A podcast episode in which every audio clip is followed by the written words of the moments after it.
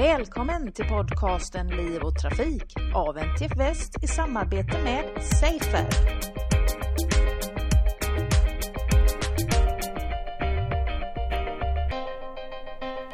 Idag är det den 7 september och Liv och Trafikpodden befinner sig på Tylösandsseminariet. Och framför mig så har jag Marie Nordén som är NTFs generalsekreterare. Välkommen till programmet Marie.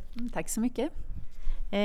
Du ska nu få kommentera lite grann vad vi har fått höra under dagen idag, första dagen på Tylösandsseminariet. Eh, bland annat så har vi hört eh, Maria Kraft prata om nollvisionen 2.0 och försökt konkretisera den. Vad innebär det att nollvisionen har gått från 1.0 till 2.0? Vad är dina tankar kring det? Ja, mina tankar är ju att det var väldigt intressant att höra Maria och hur hon ser hur vi går från ett eh, Eh, få väldigt konkreta åtgärder som är endast fokuserade på trafiksäkerhet men som då går mot ett mer hållbart tänkande, alltså mer en helhetstänk. Och, men samtidigt så känner jag också att jag, jag saknar ju ändå att vi eh, att vi inte ser ett behov av att ändå jobba tydligare och mer på ett annat sätt än vad man har gjort idag eller tidigare när det gäller för att förändra människors beteende. Maria sa ju väldigt tydligt att man jobbar, man jobbar med de åtgärder som finns för att ändra människors beteende. Ta till exempel bältespåminnare, det har ju fått människor att använda bilbälte. Och, men, men vi ser ändå att man kan inte bygga bort allting. Och sen har man jobbat med teknikutveckling och eh, miljöåtgärder. Och, och, i det så, så, saknas det en del och då menar vi på att i, i, nästa steg så borde man se den tredje delen som viktig och det är just beteendeförändrande insatser som inte är kopplade till, till teknik eller en förlåtande miljö. Kan du ge ett exempel på en sådan insats?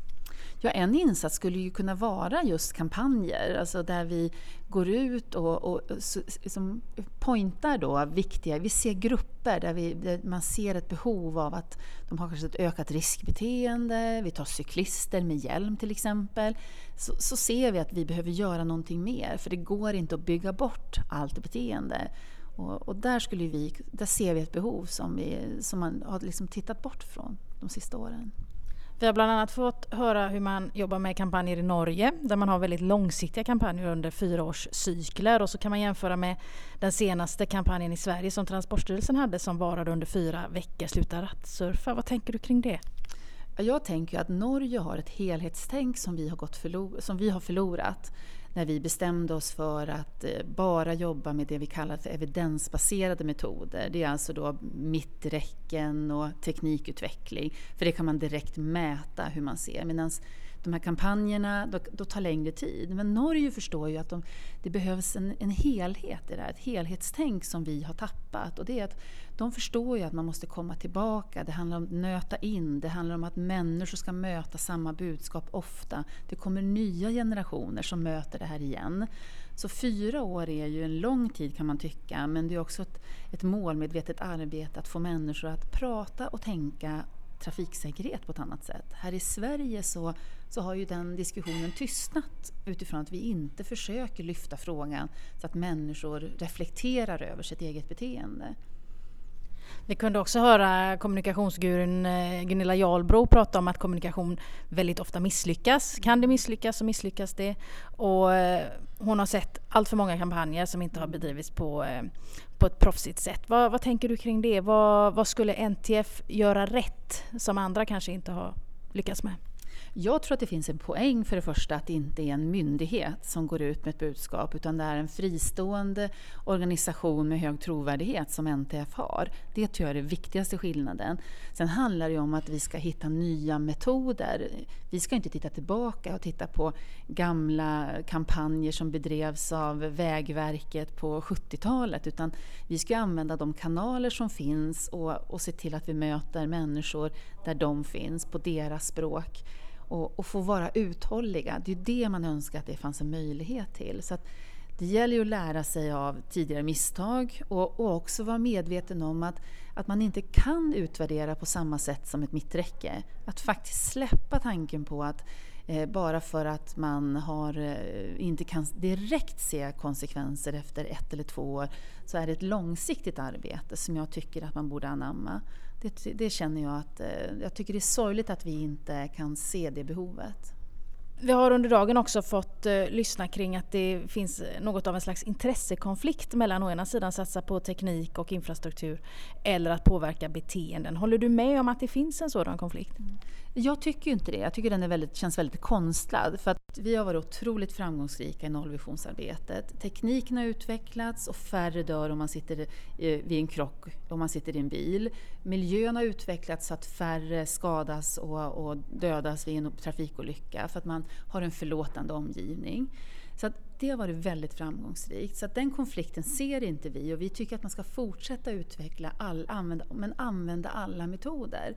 Och jag tror att den här intressekonflikten, den kommer ju, och eh, känslan av en intressekonflikt, den kommer ju utifrån en frustration tror jag, från de som ser att vi behöver använda alla befintliga tillgängliga metoder. Och det gör vi inte idag. Och jag tycker VTIs eh, deltagande i debatten var väldigt tydlig just utifrån att vi behöver använda kampanjer och, och alla kunskaps Eh, kunskap, alla, alla möjliga vägar för att ändra beteenden.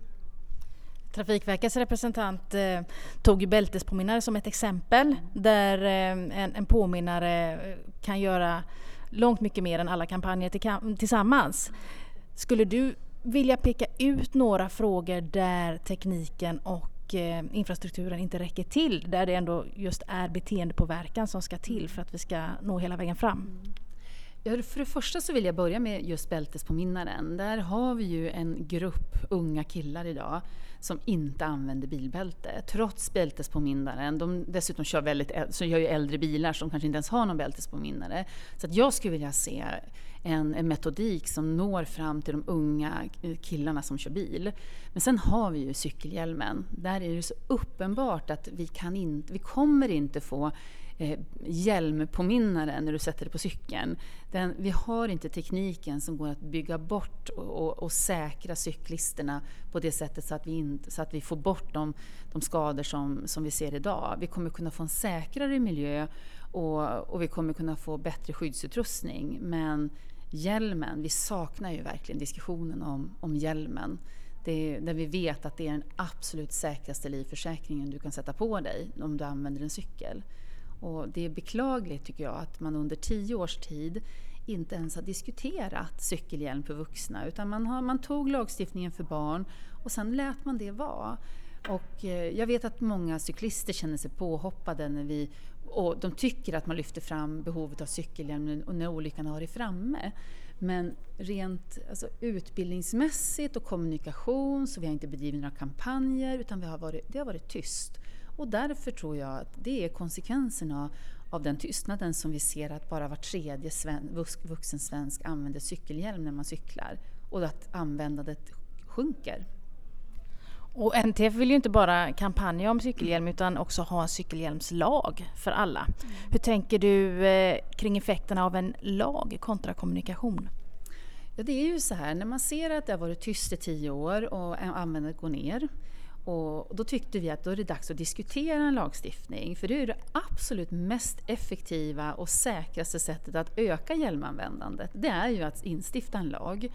Eh, men det tror jag tillsamm måste komma tillsammans med en, en kommunikationskampanj. Och, och inte politikerna beredda att lagstifta. Men då måste de, om de menar allvar med att vuxna ska använda hjälm, då måste de fundera på hur ska vi öka hjälmanvändandet? Och då tror jag att då måste, vi, då måste det till en kampanj.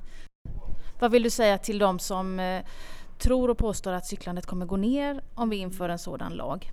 Jag förstår att det finns de som tror det, men det finns inga reella bevis som säger att per automatik så kommer cyklandet gå ner om man inför en cykelhjälmslag. Det, jag skulle kunna säga att precis, det kan vara precis tvärtom, att om normen blir att man använder cykelhjälm, då kommer, inte, då kommer de som vill använda hjälm men känner sig lite töntig idag, kanske till och med sätta sig på cykeln och sätta på sig hjälmen, för då följer man lagen. Men, men även om cykelhjälms, eller cyklingen skulle gå ner under en kortare period så, så ser jag ändå en, en folkhälsovinst i att fler cyklar säkert. Men målsättningen är ju att så, så många fler ska cykla för att vi bygger upp en säkrare cykelmiljö med fler cykelvägar, bättre underhåll och, Och tillsammans med cykelhjälmen så har man liksom skapat den här miljön som gör att fler känner sig trygg på cykel. Men vi vill inte skrämma folk från att cykla, men vi vill att folk ska veta att om olyckan är framme, då har du den bästa livförsäkringen med en cykelhjälm på. Temat för Tylösandsseminariet är ju 4900 allvarligt skadade. Och eh, vad gör vi? Vad skulle du vilja skicka med Tylösandspubliken eh, från det här seminariet? Vad hoppas du att alla ska tänka på när man åker hem till sitt?